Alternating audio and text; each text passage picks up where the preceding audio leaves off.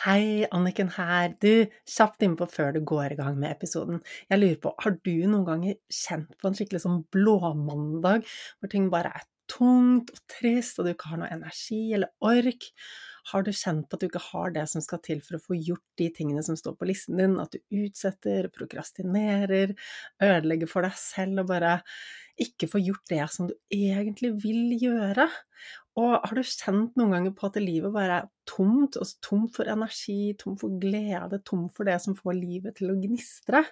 Jeg spør deg fordi dette her har jeg også kjent på, og jeg ante ikke at det faktisk var noe som jeg kunne gjøre selv. Altså faktisk hele nøkkelen til å få endret det ligger inne i meg, ligger inne i deg. Du har alt det som skal til for å få til den endringen.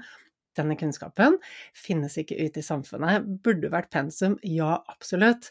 Og da jeg lærte det jeg nå kan i mentaltrening, så var det som om bare et stort lys gikk opp for meg, og endelig falt puslespillbrikkene på plass. Og jeg fikk de verktøyene og den metoden som skal til for å nummer én bygge opp motivasjonen, energien og livsgleden, og nummer to, som kanskje er enda viktigere, få det til å vare livet ut. Ja, for det er lett å bli inspirert, men hvordan få det til å vare livet ut? Og alt det her er grunnlaget for at jeg satte meg ned og brukte et helt år av livet mitt på å skrive boken Finn din superkraft, sånn at du også skal få tilgang til de verktøyene. Og det jeg har delt i boken, er ting som ikke er i podkasten. Jeg har ikke delt det på kurset mitt, ikke på sosiale medier. Så det er helt ny kunnskap, nye verktøy og nye lydspor hvis du er en av de som har gått kurs hos meg eller fått noen av lydsporene mine fra før av. I boken får du 16 helt nye lydspor som endrer på tankesettet sitt. Så det jeg skulle fortelle deg om, var at boken nå ligger ute til forhåndssalg.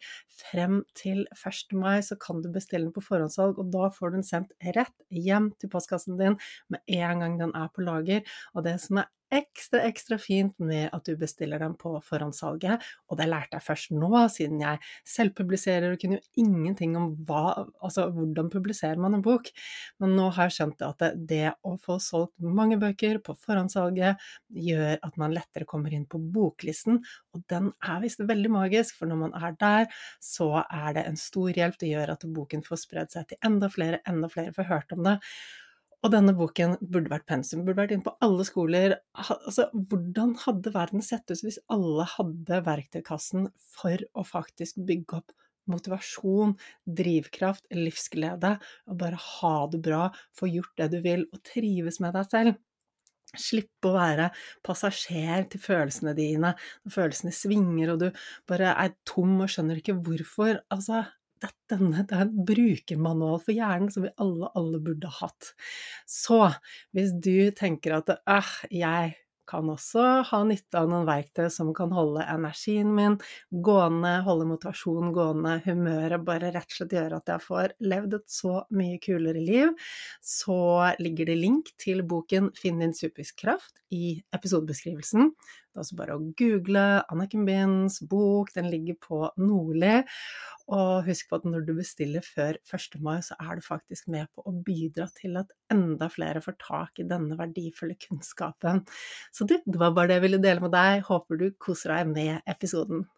Det er alltid mulig å ha det bedre og få mer ut av livet. Med riktig kunnskap og gode verktøy så kan du også ta livet ditt til neste nivå. Level Up er podkasten for deg som vil ha mer glede, mer energi, mer overskudd, motivasjon og mening, og rett og slett bare ha et bedre liv.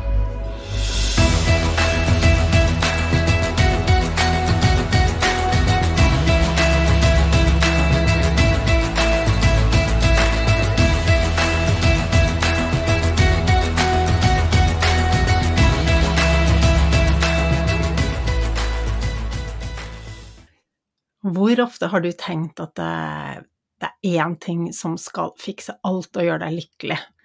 En utvikling, et kurs, en slankekur, et mål, en eller annen ting, en endring i livet ditt som skal bare fikse alt.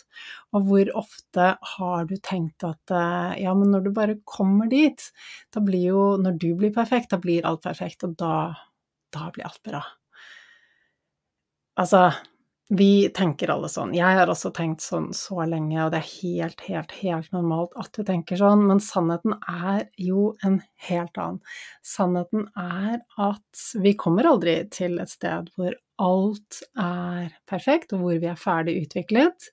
Sannheten er at vi er alltid i utvikling hele livet, og at det er utrolig hva vi kan få til på kort tid. Ja, endring tar tid, det gjør det, men likevel, med riktig verktøy og veiledning, så kan vi ta kvantesprang på veldig kort tid.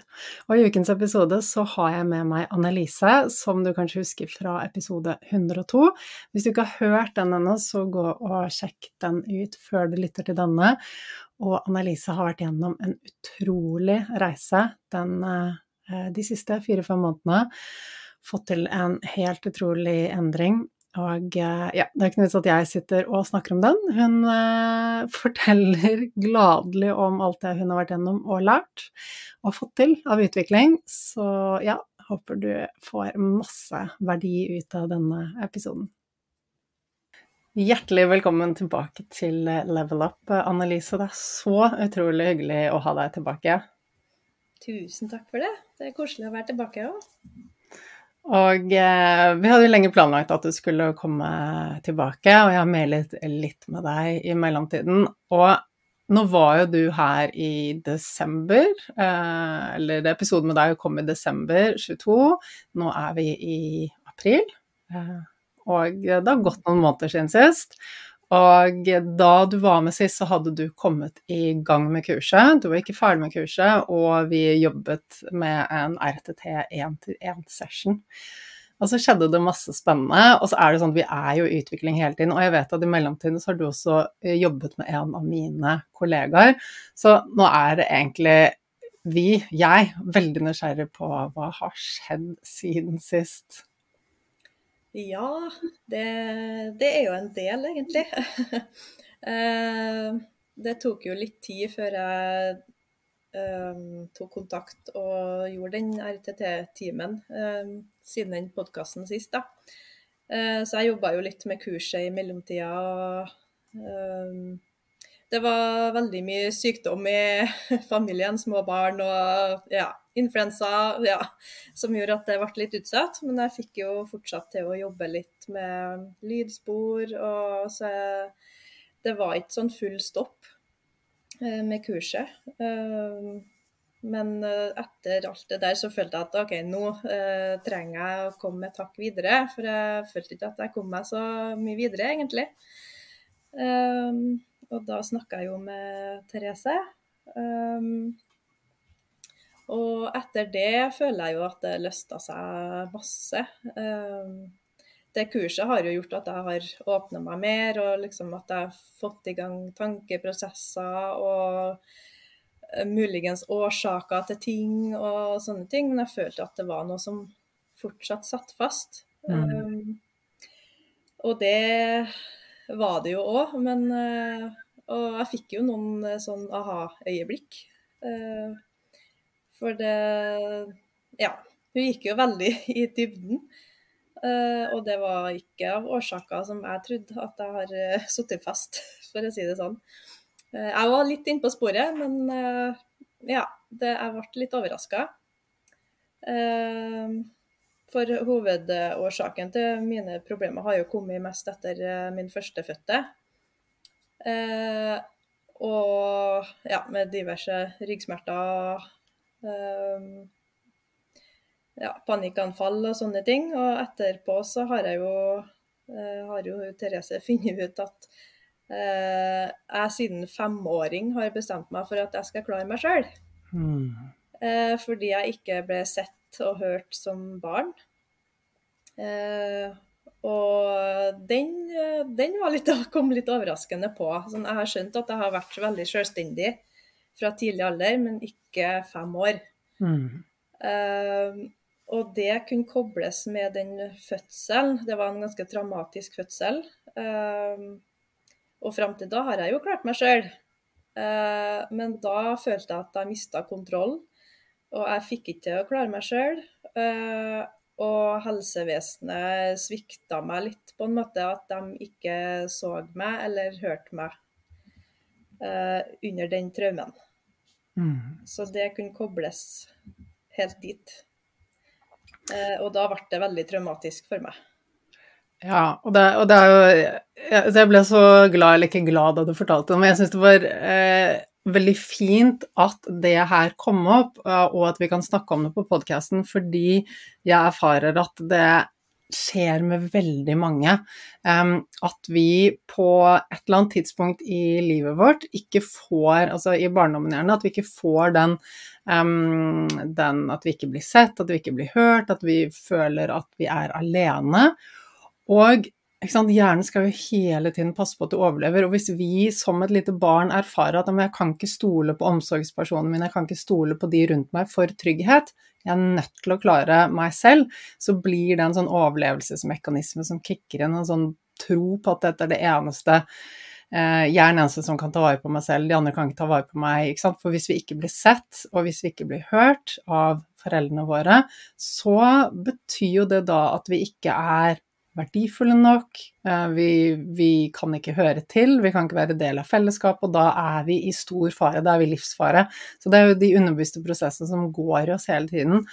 Og jeg ser igjen og igjen at barn, helt ubevisst selvfølgelig, det er jo ikke noe sånn vi sier høyt til oss selv og bestemmer oss for, men dette er prosesser som skjer inni oss, at, at vi kommer frem til at ok, jeg kan ikke stole på verden jeg er ikke trygg, ikke sant. Jeg, jeg, kan ikke høre til. Jeg må passe på meg selv, for det er ingen andre som kan passe på meg. Og når vi inntar det, så Det kan jo være det er kjempefint at vi er selvstendige og sterke og skal klare oss selv, men det går på bekostning av veldig mye. Eh, og det går jo på bekostning av den muligheten til å knytte oss til andre, for da blir vi veldig sånn Nei, men jeg skal ikke ha noe eh, fra deg. Og så, og så, tror vi at vi kanskje ikke trenger andre, men vi gjør jo det, ikke sant. Så det vi gjør er egentlig bare å legge lokk på en veldig stor del av oss, fordi det er tryggere å være alene og ikke måtte stole på noen andre. Og i ditt tilfelle så funket jo det veldig lenge, helt til du sto i en situasjon hvor det var umulig å klare seg selv. Og når din identitet og ditt selvbilde er 'jeg må klare meg selv', eh, og 'jeg klarer meg selv', Uh, og det er viktig for min overlevelse. Og så er du i en situasjon hvor det ikke funker, så blir det en enorm krise inni deg. Uh, og da er det ikke rart at det blir en traumatisk opplevelse. Og, en, en, fødsel hvor ting ikke går etter planen, kan jo være utrolig traumatisk i, altså i utgangspunktet.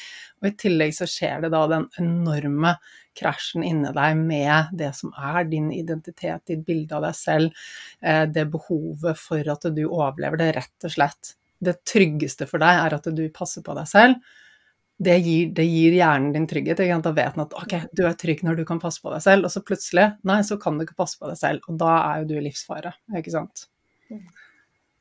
Ja. Det, ja, det var veldig en oppvekker. Og i tillegg så kom det fram at jeg hadde jo veldig stor skyldfølelse for den fødselen. For at eh, Antagelig fordi jeg ikke klarte det sjøl, da. Eh, og at jeg har eh, jeg kjente bare for noen uker siden til og med at jeg ble trigga av den skyldfølelsen. For jeg var til tannlegen med han gamleste, og han har noen sånn emaljeskader som kan komme av traumatiske fødsler, sa tannlegen. Og da kjente jeg at jeg fikk en klump i magen. Og bare Men da hadde jeg jo vært eh, eller snakka med Therese, og da kunne jeg si OK, nå fikk jeg en klump i magen. Ja, men det er jo fordi jeg har skyldfølelse for at han har emaljeskader på tennene sine. Mm. Men det er jo ikke min feil. Og da kunne jeg ta den med meg sjøl, den runden, og så forsvant det. Og hvis jeg ikke hadde visst det på forhånd, da, så har jeg kanskje gått i et høl igjen da. Bare å ja, det er min feil at han får uh, dårlige tenner, liksom. Mm. Uh, så den var jo veldig grei å vite, da, men jeg kjenner jo fortsatt litt på det, uh, tydeligvis. Mm. men ja, det er jo en prosess.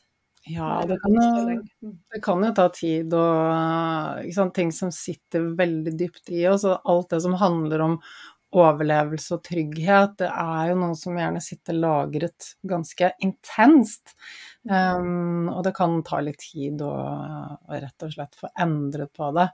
Um, men det er, det er, så utrolig spennende at du tar opp uh, akkurat dette, Annelise, for jeg vet at det, det, det, er en mekanisme som kicker inn hos oss alle, ikke sant. Og så er det hvor du sier at ja, men ok, uh, ja, men den den følelsen, den dukket kanskje fortsatt opp, den skyldfølelse for dette, men du kunne møte det på en helt annen måte nå. Du var ikke passasjer i 'oi, nå føler jeg meg sånn', da går alt bare rett ned. Men det var sånn 'ok, den følelsen kommer', jeg skjønner hvorfor den kommer, og jeg skjønner også at jeg ikke trenger å la den få lov å styre alt og grave, eh, og grave meg ned, fordi det er en grunn til at den er der, og det er helt greit.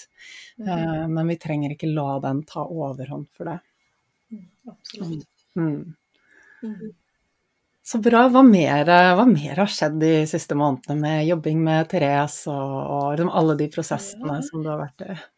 Jo, eh, jeg fikk jo et lydspor av hua som jeg har hørt veldig mye på. Eh, så jeg har jo satt eh, kurset litt på pause. Jeg jo, hadde jo tenkt å begynne kurset på nytt, en ny runde, men så tenkte jeg at nei, jeg får prioritere å høre litt på lydsporet fra hun. Som var mer retta til meg. Og det det har hjulpet utrolig mye å få et personlig lydspor. Mm. Um, uh, bare enkle setninger som at uh, alt er tilgjengelig for meg, alt jeg ønsker er tilgjengelig for meg, uh, har hjulpet meg veldig mye da. Fordi jeg har jo, jeg har jo mye frykt for å gjøre ting pga. smerter og ja. Jeg har jo hatt en del angst, men nå føler jeg nesten aldri angst lenger. Eh, jeg drikker jo til og med en kopp kaffe om dagen, kan gjøre, hvis jeg føler meg bra. Mm. Det måtte jeg jo kutte ut, for det var jo, trigga jo til angst og uro. Um, og jeg har blitt veldig mye uh, roligere i forhold til framtida, da. Og krisetenkning. For det F.eks. nå så skal mannen min skifte jobb. Eh, og det innebærer at han skal bort i et år eh, på skole først. Eh, og da blir jeg alene med barna. Forhåpentligvis så kommer han hjem i helgene, da. Men jeg blir jo stort sett alene, og det har jo òg vært en greie som jeg ikke har klart tidligere pga. ryggen. Så jeg var egentlig jeg var så glad på hans vegne. Og jeg bare følte at ja, herre, herre går kjempebra, herre skal bli så bra. Og det blir så bra for han. Og liksom Jeg, har, jeg gikk ikke i den derre Å nei, klarer jeg det? Det blir jo så mye for meg. Og ja. Eh, så den, den eh, Ja, den var veldig fin å kjenne på. Så fantastisk. Ja. det, altså, det, er et tegn på at det har skjedd mye på innsiden siden sist. Det er det. Mm. Mm. Uh, for det kunne jo ja, jeg snakka jo med andre òg om det her. Altså, da uh, fikk jeg litt sånn uh, tilbakeslag, for da sa jo de Neimen, klarer du det, da? og så jeg bare Nei, ikke si sånn! og da gikk jeg litt i sånn uh, krisemodus, men så um, Da gikk jeg inn i medlemskapet i chatten der, og så mm. skrev jeg inn, og så kom jeg på rett spor igjen. ja, å, så verdifullt. Mm. Uh, og det er jo sånn, ikke sant, de du har rundt deg, de speiler kanskje den gamle versjonen av deg selv, ikke sant? Mm de, og de har kanskje tankene på det stedet hvor du hadde tankene dine før også, så, så, og de gjør jo det ut av liksom beste eh, henseende, de vil deg jo bare vel, eh, og hvordan skal det gå og sånn, men, men, det er Så når vi endrer oss på innsiden, så tar det tid før omgivelsene catcher opp med det også.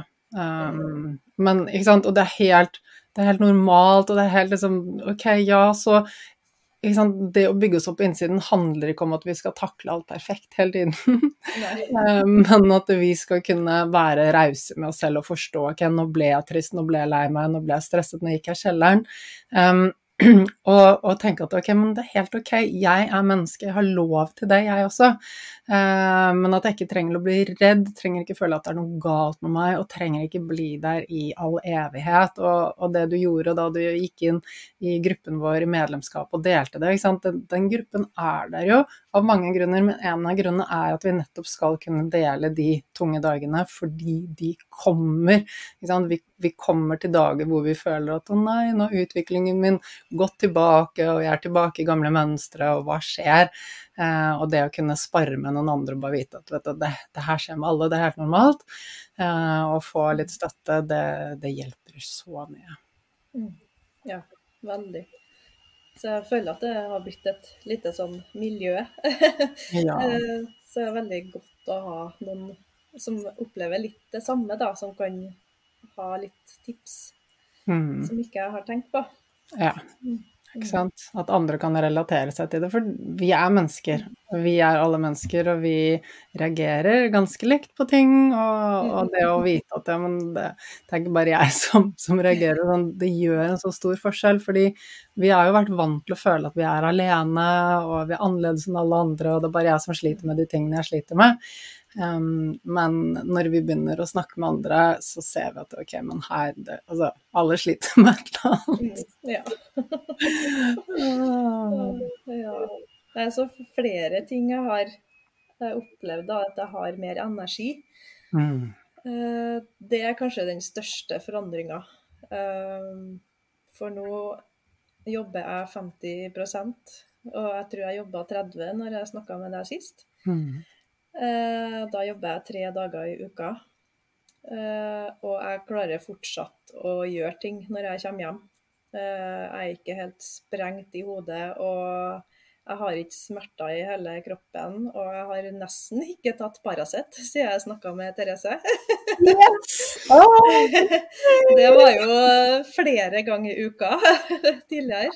Ja. Um, så det er kanskje det største jeg har merka. Jeg føler at det er lettere i kroppen. Og jeg klarer å gjøre ting jeg liker, for jeg har begynt, jeg har begynt med eh, å skal få en liten sånn hage.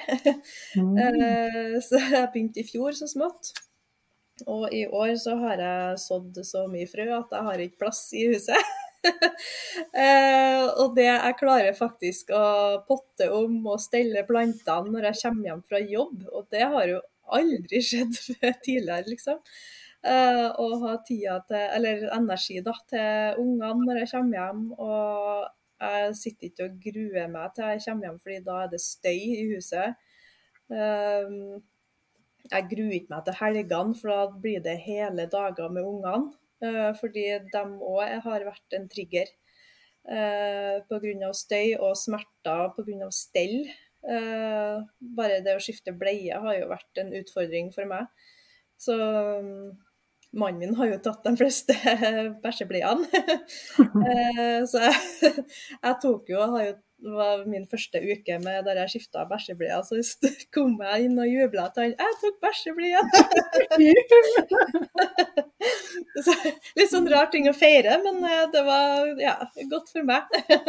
Og det er kjempestort. Ja. Så det har skjedd veldig mye. Eh, og den terskelen for å finne på ting er så å si borte.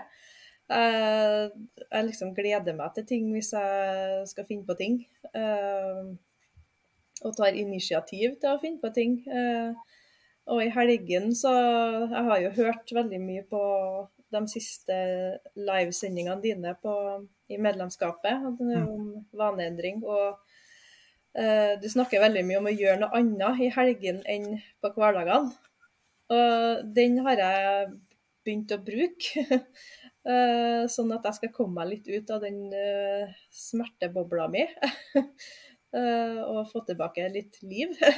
mm.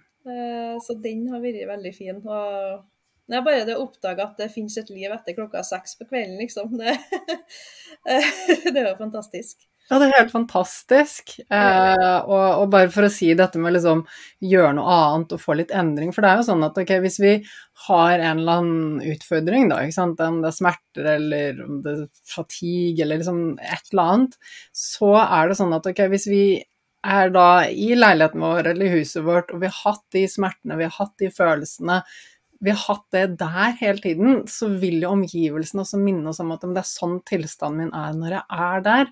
Mm. Eh, og uansett hva vi sliter med, så er det å få en endring og få liksom noe fersk, ny input, det, det er så virkningsfullt. Så det er ikke Liksom, det er ikke alltid vi liksom klarer å endre ting når vi er i en situasjon, når vi er i noe, kanskje det er noe som liksom irriterer oss eller tar mye plass i oss, men bare det å gjøre noe annet, og spesielt da noe som er litt meningsfylt, er litt gøy, henger sammen med verdiene våre, og bare liksom få en helt annen stimuli til nervesystemet og hodet vårt, det gjør så underverker. Mm. Ja, så gøy å høre at du har eh, investert mer i deg selv og familien, rett og slett, og gjør andre ting. Um, og så, så, må jeg bare si at det, altså, før du kontaktet meg, altså da du slet med smertene dine og liksom lav energi, og det, var mye frykt, det var liksom masse, masse ting som plaget deg, hvor mye tenkte du at ok, det her handler om emosjonelt stress? Eh, cirka null. eh, eller jeg gikk ganske mange år og tenkte at det var noe fysisk. Mm. Fordi at det kom etter fødselen, som var traumatisk. Så da, da måtte det jo være fysisk. Ikke sant. Ja. Um, så det er kanskje de siste par årene at jeg har vært inn på tankene at hm, kanskje det er noe psykisk.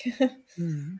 for jeg har jo hatt alle undersøkelsene som man kan ta til legen.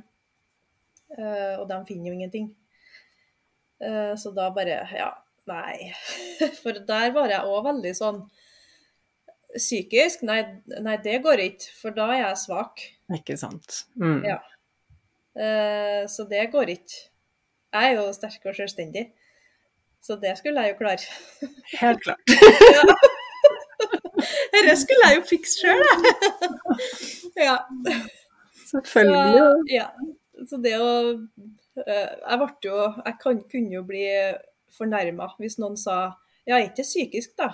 Mm. Uh, men jeg skjønner jo uh, nå at jeg ikke skjønte helt hva de mente. Mm. For da, da, gikk jeg rett i kanskje den derre at psykisk ja, tror du tror ikke på meg, eller tror du at jeg finner på dette, eller tror du at jeg gjør meg sjøl syk, liksom? Eller mm. Mm. jeg gikk dit. Istedenfor ja. å tenke at ja, kanskje det er en traume da, som jeg ikke kan noe for. Ikke sant. Og det, og det, er akkurat det som er så viktig å poengtere. fordi at det, det er jo ingen som gjør ting fordi de mener det, men vi, gjør, vi føler på en viss måte, vi reagerer på en viss måte. Eh, fordi at det sitter spor i oss, det sitter spor i underbevisstheten vår. Og vi, det er ikke vi som putter dette inn i oss og sier nå, eh, eh nå skal jeg ha dårlig psykisk helse eller skal jeg ha smerter. Det skjer jo uten at vi har kontroll over det. Det handler ikke om å være sterk eller svak eller ha psykiske problemer eller ikke. Det handler om at alle mennesker er skrudd sammen helt likt. Eh, selvfølgelig er vi forskjellige av person og natur og masse sånt, men vår, eh, vår, fysikk og måten hjernen funker på, den er lik. Og hjernen skal holde oss trygg. Og når det skjer ting, spesielt i barndommen, som truer eh, det å være trygg, så vil hjernen komme opp med en eller annen overlevelsesstrategi. I ditt tilfelle var det ok, jeg må klare meg selv for å overleve. Eh, det er en overlevelsesstrategi. Um, og vi snakker liksom om traumer, så tenker vi ok, det er når vi har vært i, i krig, eller det har skjedd et eller annet overgrep eller noe sånt. Men et traume er f.eks. det å ikke bli sett eller hørt som barn. ikke sant? Eh, et traume kan være at noen stirrer på deg, eh, blikker deg ikke sant? på skolen, på barneskolen. Traumer de de har alle mulige forskjellige karakterer. Det handler om hvordan de påvirker oss. Og alt som minner eh, hjernen din om at du er i fare for å miste tilhørigheten til fellesskapet, det vil sette seg som en sånn negativ feillæring for at være eh, For at du skal passe på at du ikke havner i den samme situasjonen igjen. Så og det skjer jo igjen og igjen at jeg jobber med kunder som sier nei, alt har vært så fint, barndommen har vært fint, alt er liksom Jeg skjønner ikke hvorfor jeg har disse problemene her. Og så kommer jo frem at det har skjedd små ting som man ikke har tenkt at egentlig har noe å si. Som egentlig kanskje er bagateller, som, og folk ber ja, men det har jo ikke plaget meg, det er jeg ferdig med for lenge siden. Episoder som kan virke veldig små. Men vår bevisste del av hjernen kan ikke vurdere hva som på en måte er viktig eller ikke for underbevisstheten vår, da. For uh, det, det, det, vet vi ikke. Vi har ikke lært opp til å tenke på den måten, rett og slett. Så um, så alle har ting som har påvirket oss, som har skapt en eller annen frykt, som har skapt en eller annen sånn feillæring som gjør at vi har lag, laget oss en eller annen overlevelsesmekanisme som ikke er hensiktsmessig.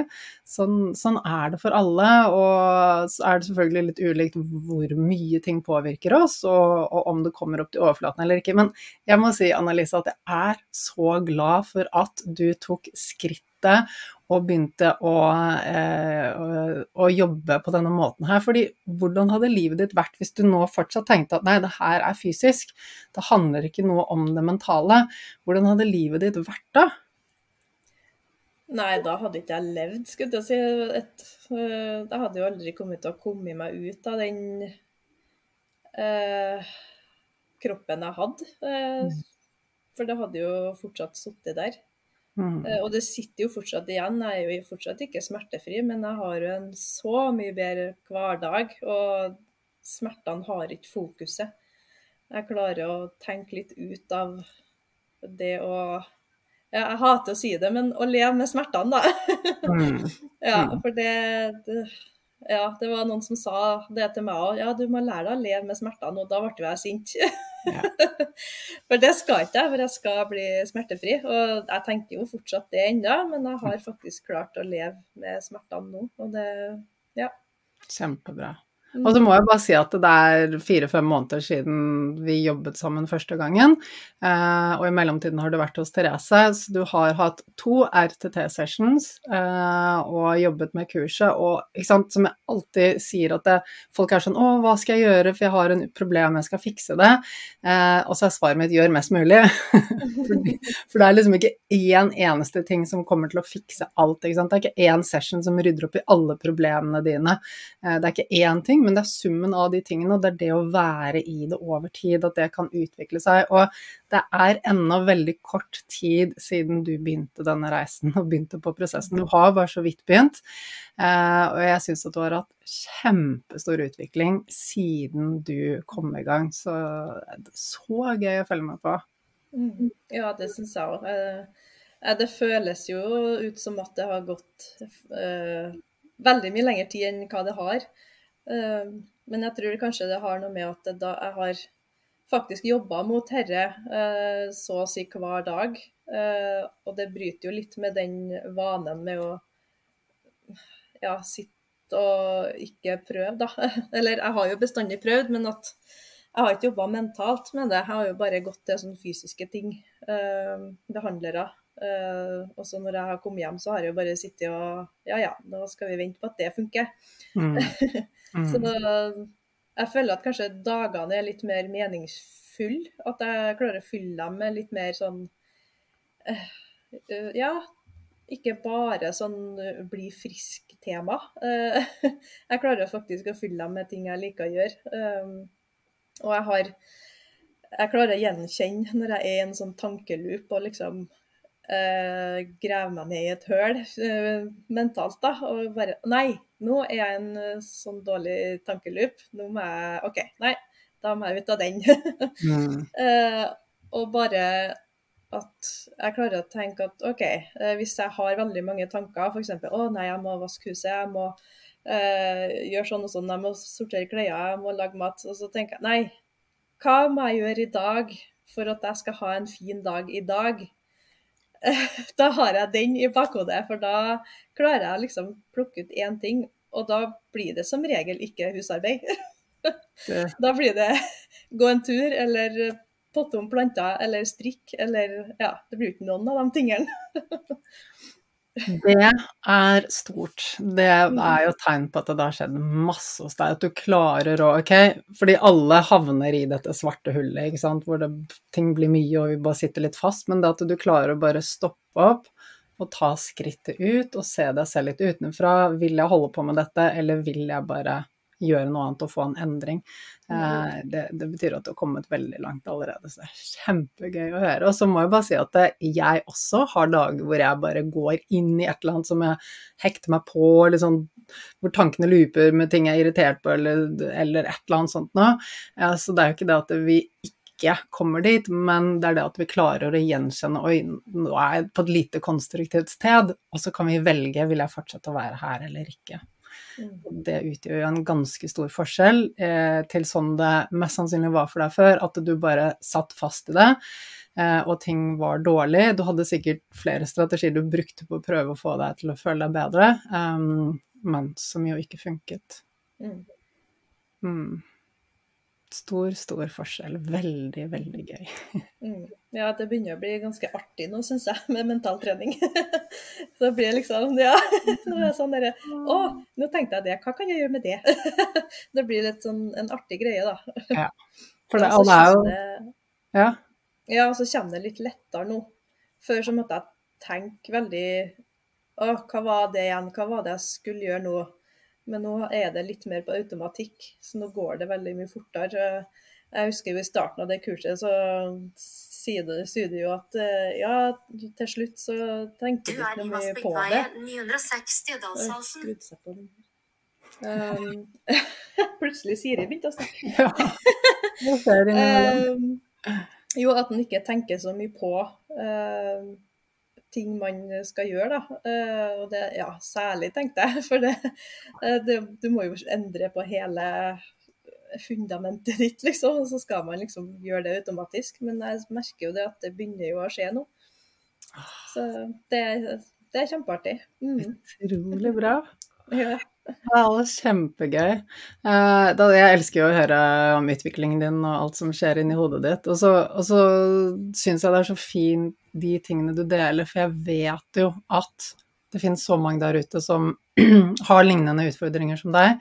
Og det å kunne bare Ok, det er ikke sikkert mentaltreningen kan hjelpe alle fysiske plager, men hvis vi ikke prøver, så vet vi jo ikke hva som egentlig er årsaken. Når vi går til legen og alle tester er fine, um, da er det jo tegn, tenker jeg, på at det ligger noe emosjonelt bak det, og at det er verdt å undersøke. Og det er liksom sånn Vi kan aldri det, det kan aldri bli feil å jobbe med det mentale, fordi selv om vi føler at alt er bra Nå gikk du inn i det fordi du hadde utfordringer, men vi trenger ikke ha en utfordring for å gå inn i mental trening og lære å liksom forholde oss mer konstruktivt til oss selv og, og verden. Det, det, kan jo bare bli bedre, så vi har liksom ingenting å tape uansett, tenker jeg.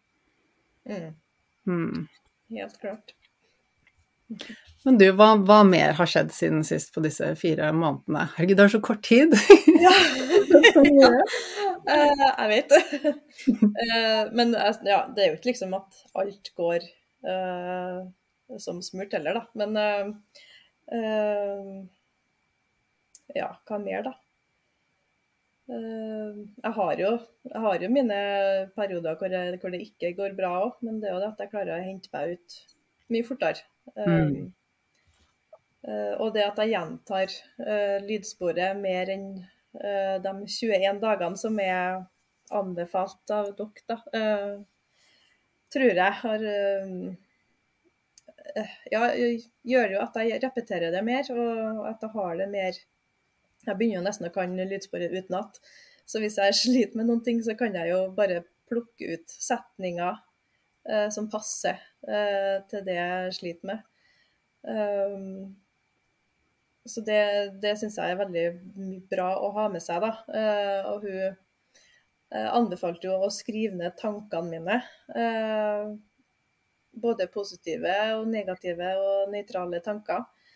Uh, og jeg oppdaga jo at det var jo ganske mye negativt enda, sjøl om jeg trodde at yeah, nå er jeg i endring og uh, Og bare OK, negativt, negativt, negativt. Én positiv, og så ja, fem nøytrale. Og så bare sånn Herlighet, det er jo ikke noe positivt her.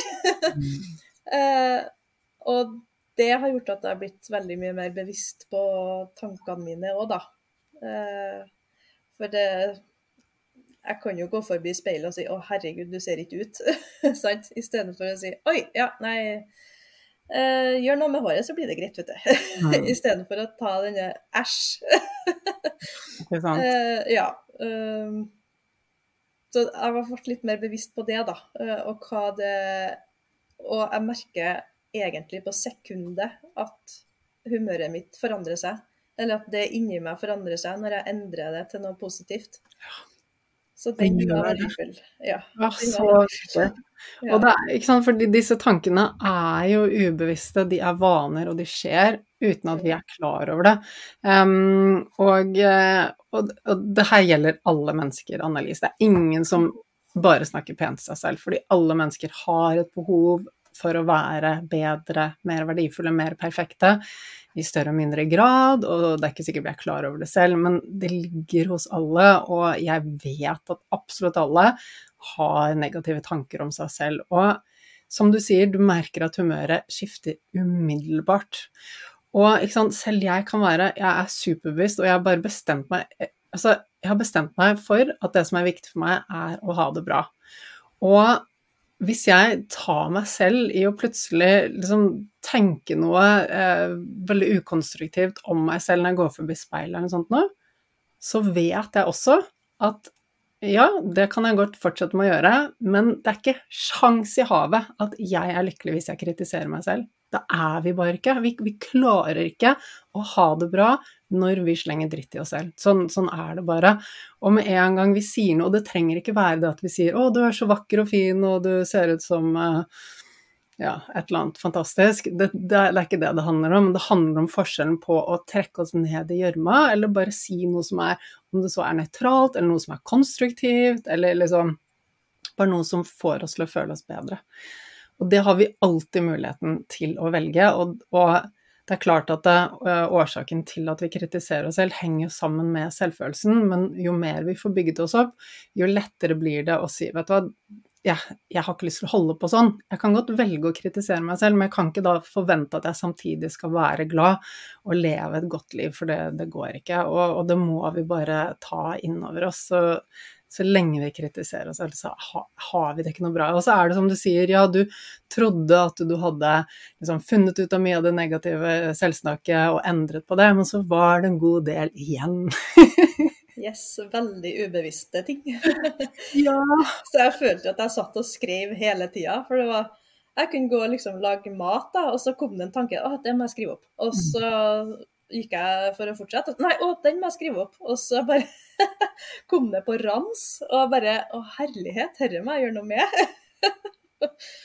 så ja, den var veldig verdifull. Jeg har egentlig glemt litt av den, så den må jeg ta opp igjen. Altså, og til slutt så vil dette bli lettere og lettere, men, men det er jo sånn, ikke sant vi, det er helt umulig å være bevisst på alt samtidig. Så den selvutviklingsprosessen, det handler om at ok, vi blir bevisst på noe, eh, og så liksom kan vi gjøre noe, det å endre på det, og når det på en måte er dealet med, så er det sånn oi, men da har jeg kapasitet til å bli bevisst på noe nytt. Eh, vi, vi, kan ikke, vi, kan ikke, være bevisst på alle tankene, alle gjøremåtene, alle handlingene samtidig. Det går ikke. Så det er liksom, vi jobber med én ting, og når det er jobbet med, så er det oi, nå kan jeg åpne en ny dør. Oi, nå kan jeg åpne en ny dør. Nå kan jeg se litt mer, forstå litt mer. Eh, det er en lang prosess, og, og, det er en prosess vi er i for eh, resten av livet. Og det er noe av det som jeg jobber mest med når, um, når folk begynner på kurset, er jo det at veldig mange har den derre tanken, den, den svart-hvitt, alt eller ingenting-tankegangen. Ok, nå går jeg gjennom dette her, og så kommer jeg ut på andre siden og fiks ferdig, alt er perfekt. og da har jeg kommet til det stedet hvor livet bare er fantastisk for resten av livet, og jeg er perfekt og får til alt. Og bare ha gode tanker om meg selv, men sånn er det ikke.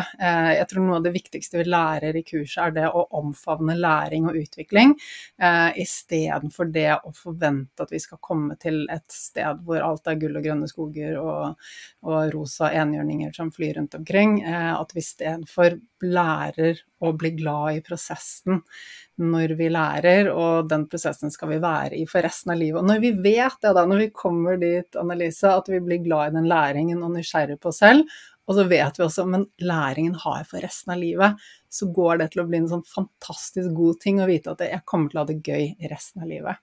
Istedenfor å være sånn jeg må få til en ting, jeg må komme til et sted hvor jeg blir perfekt, hvor ting blir perfekt, hvor jeg har endret meg, hvor jeg kommer til et sånn endelig sted. Det legger veldig mye press på oss selv, og det er umulig å komme til et sted hvor alt er perfekt. Og, og, dette jobber vi jo masse med i kurset. Eh, og vi trenger å bygge indre styrke og, og selvfølelse for å liksom klare å innta det perspektivet. Men når vi er der, så er det så befriende, for det betyr at det, resten av livet blir kjempegøy. Jeg kan alltid gå litt dypere, lære mer om meg selv, lære mer om verden og andre mennesker, og jeg kan alltid være nysgjerrig. Og det betyr at jeg kommer til å ha noe som gir meg energi og motiverer meg for resten av livet. Fordi læring og utvikling er jo noe av det viktigste for oss eh, mennesker. Mm. Så ja. Mm. Ja, det kjenner jeg igjen. For vi, vi skulle ha et førstehjelpskurs på jobb. Og så, Det var jo frivillig, så vi kunne melde oss på. Og så første tanken var Nei, det kan jeg ikke bli med på, for det kan jeg jo ikke. så jeg skulle jo kan det før jeg skulle lære det. Sant? Ja, det er sånn Herlighet, bare kutt ut! så jeg meldte meg på. Da. Jeg syntes det var så lærerikt. Og jeg stilte spørsmål. og Jeg bidro liksom i gruppa. Ja, det var jo istedenfor å sitte der og ikke tørre å si noe, så torde jeg faktisk å bidra med noe i tillegg. Mm. Um, og da tenkte jeg at dette er jo en endring. yes en veldig ja. stor endring, og jeg kjenner meg igjen. Den gamle versjonen av meg turte ikke gjøre noe som jeg trodde jeg kunne feile på. Ja. tenkte at jeg måtte være perfekt i alt før jeg gikk inn i det, så mm. Ja, det er en helt banal tanke, egentlig. Ja, det er veldig banalt. Veldig banalt. Men sånn er vi alle mennesker, og, og jo raskere vi skjønner det og, og klarer å, å, jobbe oss gjennom det, jo, jo raskere kommer vi til et liv som er gøy å leve. Så, men så er det jo sånn, ikke sant, vi som du oppdaget, ja, vi, vi blir jo egentlig aldri ferdig med å jobbe med oss selv. Det er alltid noe vi kan uh, jobbe med. Uh, og de som kommer til meg og jobber én til én, de kommer jo gjerne igjen, fordi når de har fikset én ting, så er det sånn Å, men jeg har denne tingen her også! yes. og så er det jo kurset som, som legger grunnlaget, fordi la oss si at vi går inn og jobber med eh, kanskje et spisemønster en person har, da, som overspising eller et eller annet emosjonell spising eller noe. Så det er greit, vi, vi kan gå inn og jobbe på akkurat årsaken til at det mønsteret sitter der, og det mønsteret. men hva med alt rundt? Hva med måten å forholde seg til seg selv på, til livet på, til verden på? Det er liksom alt gjennom hele dagen, gjennom ukedagen på jobb eller på skole med familie, i helgene. Alt det, det trenger vi også lære å endre. Vi kan ikke bare liksom tenke at jeg plukker ut én liten brikke av det store puslespillet, så fikser jeg den, og så er alt annet fikset. Det er, det er viktig å jobbe med helheten også. Det er derfor jeg liker å, eh, å be kundene mine gå gjennom kurset før. Vi jobber én til én, sånn at vi får den helheten, får mer forståelse og kan mye lettere være med på prosessen. fordi du nevnte jo det at før så gikk du og fikk en eller annen Var hos fysioterapeut, fysioterapeut eller et eller annet, du fikk en fysisk behandling mot smertene dine. Og så du gikk dit, liksom la deg ned på benken eller hva, og ble fikset, dro hjem, og så regnet med at det nå skjedde det en endring. Men det jeg hører når du beskriver det, er at det, forskjellen nå er at det, du venter ikke at noen andre skal fikse deg, du tar et aktivt valg selv og gjør de tingene som du kan gjøre. Uh, og når jeg jobber én til én med noen, eller når noen er gjennom kurset, så, så er det ikke jeg som fikser dere, det er dere som får verktøy av meg og det er dere som gjør jobben selv. Og hvis ikke dere vil, og hvis ikke dere er motiverte til å møte dere selv i døren, så skjer det jo ikke noe endring. ikke sant? Hvis, hvis eh, noen venter at jeg skal gjøre jobben med å fikse det, så vil det ikke skje en endring. Vi må, vi må være med på det selv, og det hører at du er med på på en veldig god måte. Mm. Ja. Det, det å møte meg sjøl har vært både det beste og det verste jeg har opplevd. ja. Så, det er tøft. Ja. ja. det er veldig tøft. Ja. ja. Men uten det, ikke sant, så det er sånn om veldig mange, og det, det, er fint at de tar det, for veldig mange er redd for å møte følelsene og møte seg selv, fordi det blir tøft og slitsomt og, og, og Men alternativet er jo mye tøffere, er det ikke det? Når vi ikke får ryddet opp i det. Mm. Ja, jeg jeg fikk jo en advarsel fra Therese om at eh, ja, det kan hende at du plutselig begynner å skrike uh, uten at det er noen grunn for det etter denne session. Og jeg gjorde jo det uh, i en ukes tid etterpå. Mm. Jeg kunne stå i dusjen og plutselig så bare uh, grein jeg. Og altså gikk jeg til mannen min og sa at å, jeg trenger en klem. Og så plutselig bare stortuta jeg, og han bare Hva er det som skjer? Eh, jeg hadde jo på en måte advart han òg, så han visste jo litt hva, at det kunne skje. Men ja, det var bare så godt å få det ut. Det, liksom, det, var jo godt etterpå, men det var veldig tøft, da. Um, uh, så det, kroppen Det følte meg litt sånn rensa etterpå. Mm. Så det var absolutt positivt, men jeg var jo kjempesliten uh, etterpå. Og, ja. Mm. Ja, ikke sant. Det er, det er, slitsomt. Men alternativet Tenk på alt det, mm. all den gråten som kom ut. Mm. Det, det, har du båret på. Mm. Ikke sant. Så ja, det kan være litt slitsomt å stå i det, men alternativet er at alt det er inni deg og tynger deg. Ikke sant? Du sier nå hvordan du har mer energi, du fungerer, du kommer hjem fra jobb, du kan deale med barna dine, helgene er ikke lenger 'å nei, hvordan skal jeg overleve'?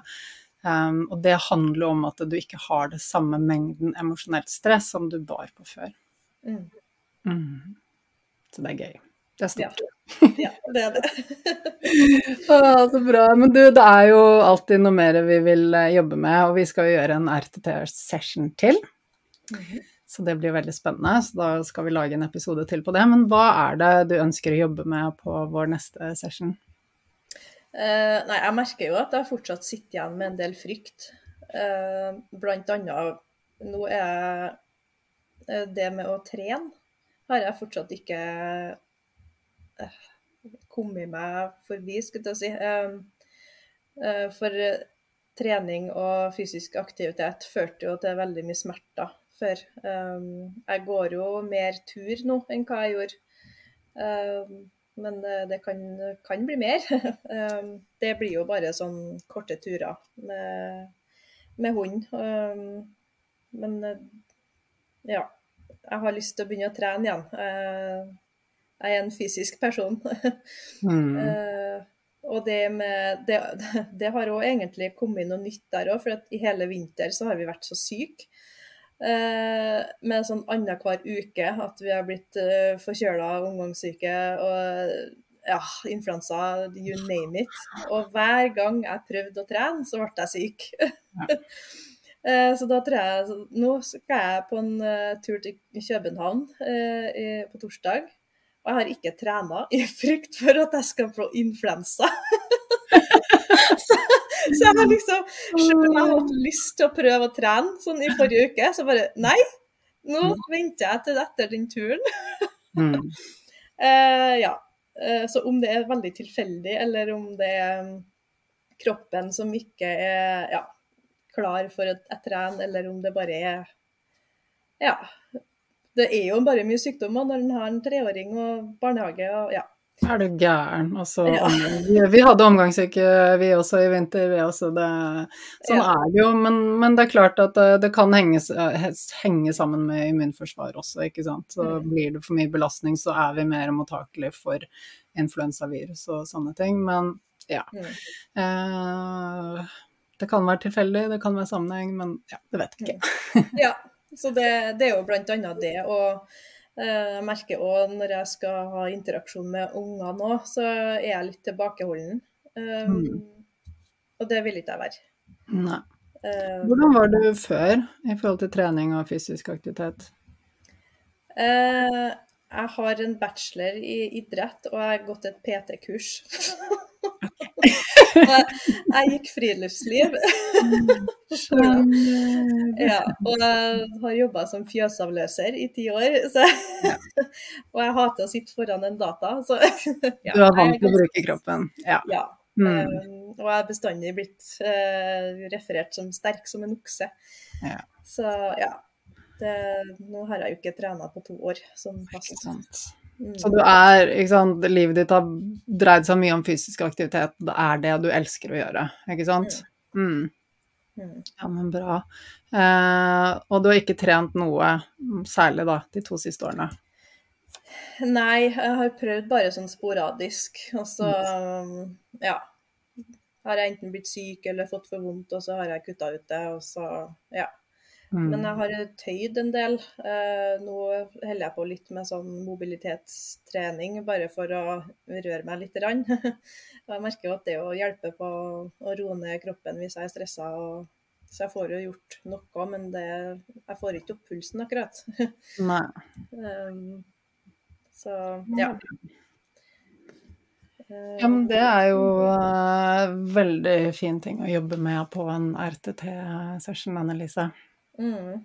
Mm. Så, og det med emosjonell spising òg er jo veldig sånn uh, Men jeg, den har jeg, jeg blitt veldig mye mer bevisst på den, og prøver å finne ut litt hva som skjer, da. Uh, du har jo hatt litt om vaneendring i i kurset. Så mm. det, det, har jeg hørt mye på. Og, uh, så det virker at det har hjulpet. Akkurat nå har jeg gjort det ganske bra, uh, føler jeg sjøl. Um, så nei, det kan jo hende at, at, det blir bedre av det sjøl, men jeg mm. kjenner at det sitter, sitter dypt, da. Uh, det er veldig vanskelig å ikke liksom gå den derre Å nei, nå har jeg det litt tøft, og så mm, Hva har vi? i skuffa.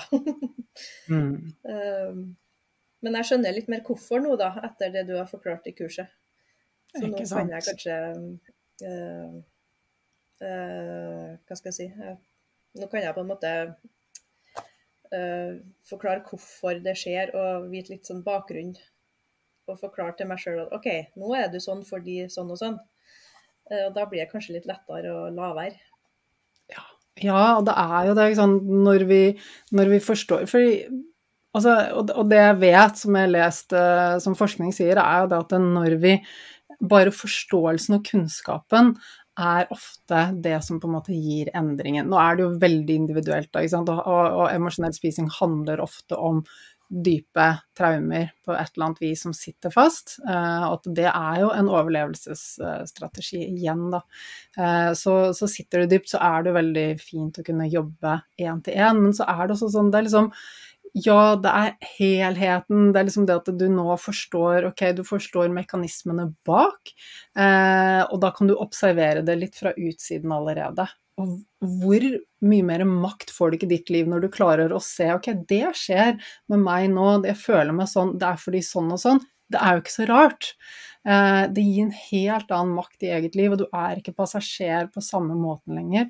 Så bare kunnskap, bare det å skjønne det, gjør at det, det går an å distansere seg fra det. Eh, så, så vil jeg Altså, og det jeg anbefaler, er bare å være litt nysgjerrig på følelsene, på tankene. Eh, bare være nysgjerrig på deg selv. Ikke sånn du skal dømme deg, eller ikke noe sånt, men bare sånn observer og være nysgjerrig. Eh, og så vi må jo ikke liksom inn og endre alt. Vi, jeg møter ofte på så mye sånn utålmodighet og bare 'gi meg et verktøy, vi må fikse det', jeg må liksom fikse tankekjøret eller jeg må fikse den emosjonelle spisingen. Men men det handler ikke bare om å fikse. Først er det det å jobbe i, i, dybden med årsaken og etablere en grunnmur og bli tryggere i oss selv. Eh, det er det første. Og så er det rett og slett også det å på en måte bare okay, forstå mekanismene, og så er det å akseptere. For det, det, er ganske sånn vi, vi, går inn i mye sånn press og stress og vi bare 'Jeg må inn og endre det'. Eh, men når vi kan observere helt avslappet, så, så hender det ofte at ting bare også renner litt ut i sanden, at det ikke påvirker oss på samme måten lenger. Så, så bare lek deg litt med å eh, observere deg selv, være nysgjerrig på tankene, følelsene, hva dukker opp. Eh, ikke døm deg selv når du går i godteskuffen og spiser. Bare, det er helt naturlig. Det er en overlevelsesmekanisme, det er en god grunn til at det er sånn. Det er ikke farlig. Vi kan endre det, men vi må ikke endre alt på sekundet det viktigste er at du bare slapper av i det, og ikke stresser med det. Det, det, skjer ingen skade om du tømmer godteskuffen en dag, Annelise. Det gjør jo ikke det. Eh, så det å på en måte kunne slappe av og si at ok, men i dag trengte jeg det, og det er helt greit, og det er ikke krise. Eh, det er et resultat av sånn og sånn. Bare det gjør veldig mye. Mm. Ja. Mm. Jeg har et litt mer avslappa forhold til det nå, da. Heldigvis. ja, vi snakket ja. om dette i forrige episode også. Ja. ja. Så, men ja, det, det, det, Ja, det har jo gjort det i veldig mange år, så jeg skal jo ikke forvente at det knipser sånn, og så da, da er det over. det kan ta litt tid. Og så er det sånn ja. med, med mat, f.eks. Det, det møter vi på gjennom hele dagen. Vi kan ikke på en måte fjerne oss fra mat en periode og jobbe med å endre på hvordan vi forholder oss til det. Vi ser mat hver eneste dag og vi må spise. Eh, så det er så lett å bli trygget der. Så, så det, det, kan ta tid å endre, fordi at det er jo ikke bare akkurat det som skjer når du går i godteskuffen, det er alt rundt også. Eh, så det er, det er litt prosess. Eh, og så er alle prosesser ulike. Hos noen så er det sånn ok, vi, vi gjør en session, vi finner årsaken, vi finner linken til den følelsen som dukker opp og av den handlingen som gjøres, og så endrer vi på det. Men som ofte så, så trenger vi å jobbe litt mer rundt også, um, for at det skal bli en bærekraftig endring. Uh, og jeg er jo opptatt av at ting funker, og at det er bærekraftig, ikke at vi skal rushe, fordi vi kan ikke rushe med det her. Det, det skal vi være i. Uh, endring tar tid. Mm. Men da, da, jobber vi, når vi treffes neste gang, så jobber vi med denne frykten for å trene. Mm. Um, og skulle det skje noen forandringer i forhold til dette med spisingen, så får du si fra, men jeg tenker at foreløpig så kan det være en ting som du på en måte bare observerer. Du trenger ikke fikse det, du skal ikke dømme det, du skal ikke gjøre noe, bare observer, det er masse læring i det. Og, um, og igjen, jeg får så mye spørsmål om verktøy, verktøy, verktøy, men det mest effektive verktøyet vi har, er bevissthet. Mm. Rett og slett. Så det Men veldig spennende Annelise. så gøy å catche opp og høre hvordan det har gått. Eh, er det noen ting du tenker at du har lyst til å dele før vi runder av for i dag? Nei, jeg tror jeg har vært gjennom det meste nå. Så ja, det er sikkert flere ting, men jeg husker ikke på dem. det går så bra. Og det er alltid sånn når jeg har spilt inn en episode, så bare Å, jeg glemte å si det! Jeg burde sagt det! men vi får ikke alltid med oss alt. Det er helt greit. Ja, så bra. Da gleder jeg meg til å jobbe med deg, og så kommer du tilbake på podkasten når vi har jobbet eh, med neste RTT-session, og du har hatt litt tid til å gå gjennom prosessen og lytte til lydsporet. Så får vi deg inn igjen, og så ser vi hvordan utviklingen har vært da. Ja, supert. Så bra. Da gleder jeg meg til det, og så får du ha en fin dag videre. Jo, takk det samme. ha det bra. Ha det. Nå håper jeg du sitter igjen med masse kunnskap og læring, perspektiv på deg selv, på oss mennesker, hvordan vi er skrudd sammen, hvordan kropp og sinn henger sammen, og hvordan vi alle påvirkes av hendelser i livet, og at det å ha det vi kaller for eh, traumer som sitter lagret i oss, som påvirker oss, ikke ikke trenger å handle om at det har skjedd noe fryktelig eller fælt med oss. Det kan være små ting som kanskje nesten er bagateller, som virkelig setter dype spor i oss. Og spor som settes tidlig i livet, de påvirker oss gjennom hele livet, med mindre vi går inn og endrer på det. Og endring er mulig for alle når vi har riktig kunnskap og vi har verktøy og får hjelp til det dette er ting som, som ikke klarer å fikse på selv. Det skjønner du kanskje når du har hørt episoden med Annelise. Um, ja, det er mye vi kan gjøre selv med å, å, få en bedre kunnskap og forståelse, så vil mye endre seg. Men når ting sitter uh, ordentlig fast, sånn som det gjorde i hennes tilfelle, så er det det å få profesjonell hjelp som er saken. Men det som er bra, er at ja, vi kan endre på det, vi kan fikse tingene. Hvor lang tid det tar? Nei, det vet vi ikke. Eh, det er alltid ulikt hvor lang tid sånne prosesser tar, men felles er at ja, vi får til endring. Vi gjør det. Og det er jo helt fantastisk, er det ikke? Og hvis du vil booke time med Therese, som Annelise har vært hos, eller en av de andre kollegaene mine, så finner du eh, link til bookingside på nettsiden min, annikenbinds.com, så bare gå inn der, og så kan du booke en time, du også. Og så anbefaler jeg alltid å jobbe gjennom kurset mitt før du booker time, for da får du så mye mer ut av session. Da er du moden, du har forståelse, du har grunnlaget, du har begynt å skape masse endringer, og da er det så mye mer effektivt å gå ned i dybden og jobbe jobbe med én ting, sånn som der Annelise har gjort her, en spesifikk utfordring, så anbefaler jeg virkelig, virkelig det. Og du, del gjerne hva du får ut av episoden, tagg meg gjerne i sosiale medier, og så gleder jeg meg til å se deg neste uke.